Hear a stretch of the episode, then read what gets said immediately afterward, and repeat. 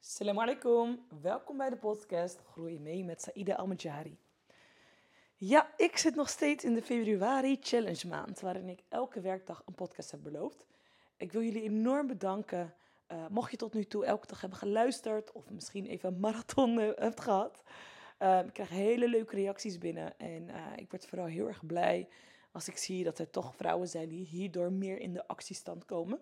Want dat is mijn bedoeling. Ik wil niet dat je alleen naar me luistert. Ik wil niet dat je de podcast alleen misschien interessant of inspirerend vindt. Ik wil dat je in beweging komt. En een eerste tip die ik daarvoor wil delen is: elke keer als je iets gaat luisteren, dus bijvoorbeeld deze podcast of een training die je volgt, zorg dan dat je een uur daarna ook blokt. Zodat je jezelf aanleert om direct in actie te komen met datgene wat je dan net hebt geleerd. Want laten we eerlijk zijn, hoe vaak uh, ben je helemaal geïnspireerd in bepaalde mode, in, in een bepaald moment, zo, ik krijg helemaal enthousiast, in een bepaald moment waarin je helemaal voelt, ja, dit ga ik doen, ja, ze heeft gelijk, ja, dit ga ik doen. En dan is de podcast bijvoorbeeld afgelopen en dan ga je weer andere dingen doen, weet je, het leven zegt ons op. En dan verdwijnt het enthousiasme en dan gaat het weer naar de achtergrond. En daarom is het heel belangrijk om eigenlijk in dat enthousiasme, in dat moment, want het zijn eigenlijk momentopnames, om dan tot actie te komen. En dat kan je dus doen door eigenlijk voorbereid te zijn, door van tevoren tijd in te blokken als je weet dat je weer iets nieuws gaat leren. Ehm, je moet echt waken erover dat je zo'n persoon wordt die alleen maar uh, kennis opdoet. Kijk, ik begrijp dat ook heel goed, want ik vind het ook heel leuk om kennis op te doen. Maar vooral ook als ondernemer. Uh, en ook als moslim trouwens, want alle kennis die we opdoen, ja, wordt je ook verantwoordelijk voor gesteld. Uh, wat heb je ermee gedaan? En heb je het ook tot actie gevoerd? Zo is het ook in de ondernemingswereld. Ik kan jou bijvoorbeeld hier uh, gouden tips geven en wat jou kan helpen. Maar het heeft totaal geen zin als jij het niet uitprobeert, als jij het niet gaat uitvogelen. En mensen die bijvoorbeeld echt verslaafd zijn en heel tijd kennis, kennis, kennis, kennis opdoen. Um, je merkt gewoon heel vaak dat daar een valkuil in zit, omdat ze dan met alles ja zeggen en nieuwsgierig zijn, et cetera. Wat natuurlijk een mooie eigenschap is, maar elke mooie eigenschap heeft ook vaak een valkuil. En in dit, in dit geval is het vaak dat het een kan zijn door uh, elke nieuwe dingen te blijven leren en daarvan niks in actie uh, uit te voeren. Dus uh, waak daarover over jezelf. dat doe ik ook, want ik ben dus ook zelf zo'n persoon die het altijd heel leuk vindt om dingen te leren.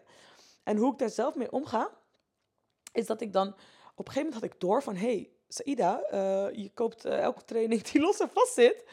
En het zal vast wel heel goed zijn, hè? Maar op een gegeven moment merk ik gewoon dat het dan niet haalbaar is om alles te volgen. En wat ik dus nu doe, is als er bijvoorbeeld iets op mijn pad komt en ik word heel enthousiast van. Uh, en het is zeg maar iets voor mij als ondernemer. Dan uh, kijk ik echt, dan, dan laat ik mezelf het niet direct kopen. Maar dan zeg ik echt tegen mezelf van, oké, maar wat levert het op? Wat gaat het mij opleveren?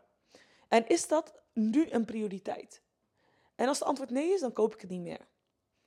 Als het gaat om islamitische kennis opdoen, uh, ik vind het super belangrijk om islamitische kennis op te doen. Uh, ik zie het gewoon echt als mijn plicht.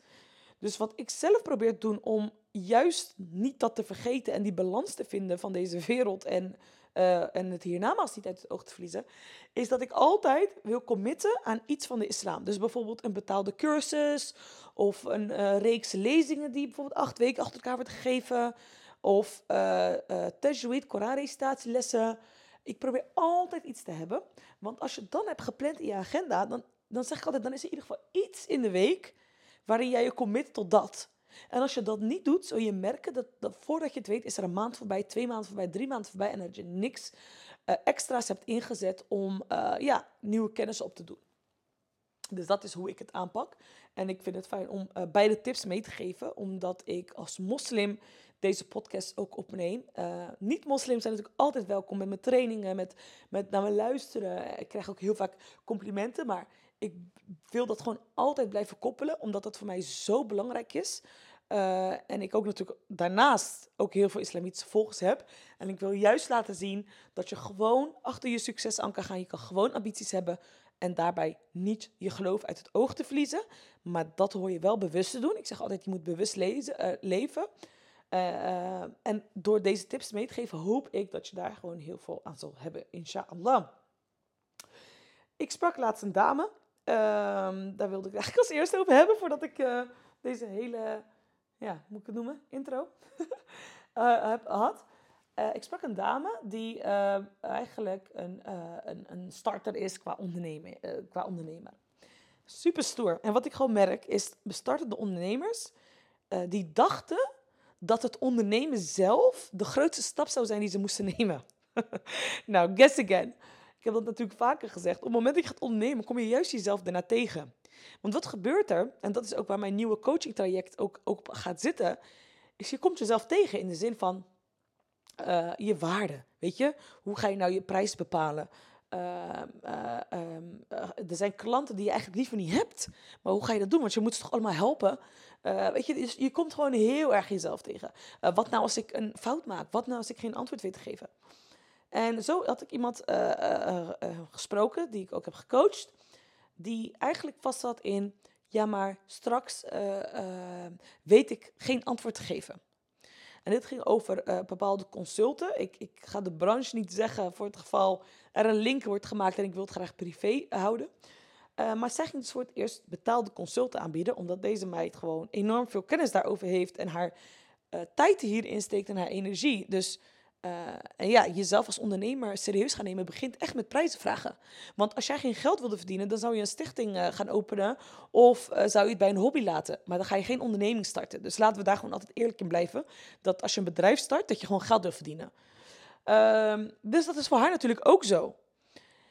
Maar omdat het haar passie is, en dat is wat ik dus ook heel vaak weer terugzie, en het voor haar vrij gemakkelijk gaat om die adviezen te geven, want het is haar passie, voelt het voor haar best wel eng om daar een prijs tegenover te zetten. Want voor haar is het zo vanzelfsprekend dat het te makkelijk is.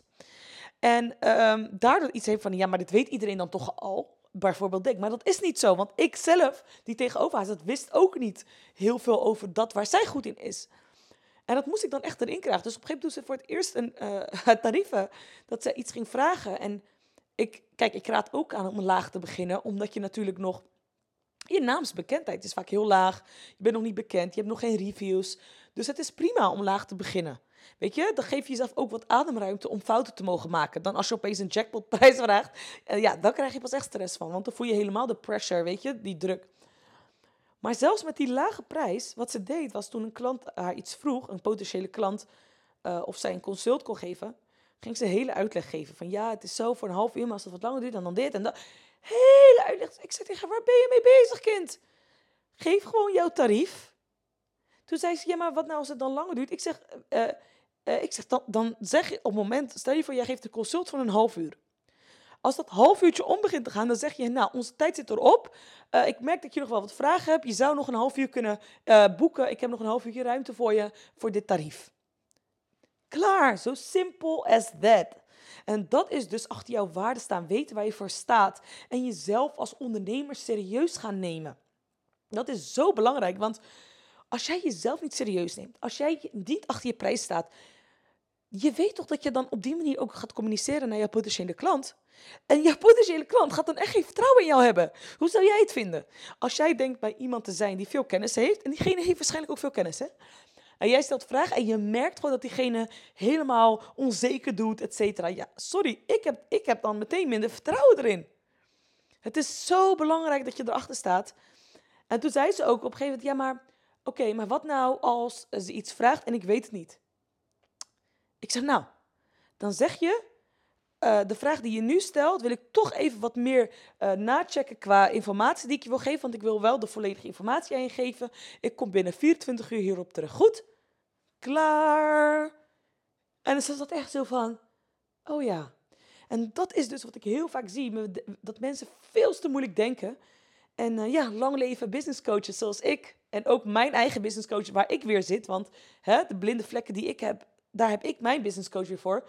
En zo coach ik weer de andere mensen. Um, ja, dat is gewoon nodig. Als je, als je wat sneller wil groeien, uh, niet vast wil lopen, dan adviseer ik je enorm om te investeren in een business coach. En alsjeblieft, alsjeblieft, kom niet met het antwoord bij mij, maar ik heb geen geld. Je kan geen business gaan runnen zonder geld.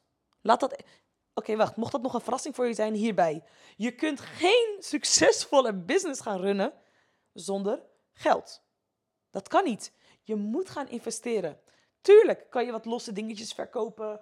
Uh, weet je, lage, lage omzetten maken. Maar als we het hebben over je business serieus nemen, dat je echt wel goede omzetten wil gaan maken, dan dien je te investeren. En hoe serieus neem jij je business als jij zegt: Ja, maar ik heb nu even geen geld hiervoor? Kom op. Geld is nooit het probleem. Zorg maar dat je het regelt. Zorg maar dat je het regelt. Ik ken mensen die gewoon hun auto wilden verkopen omdat ze zo erg in hun idee geloofden. Dat ze iets hadden van nee, hoe dan ook, ik krijg het voor elkaar. En dat is die passie die je moet ontwikkelen bij jezelf. Dat is het geloof wat je moet hebben in je onderneming. Dat is, dat is ook wat het waard is. Je moet soms al over je angsten kunnen kijken naar het resultaat en denken: wat heb ik hiervoor over? Dus vandaag, na deze podcast, neem even een kwartiertje tijd. Denk aan je onderneming of denk aan je droom, mocht je nog moeten willen starten. En stel jezelf de vraag: wat heb ik hier voor over? Succes, lieve mensen, en tot morgen, inshallah. Salam alaikum.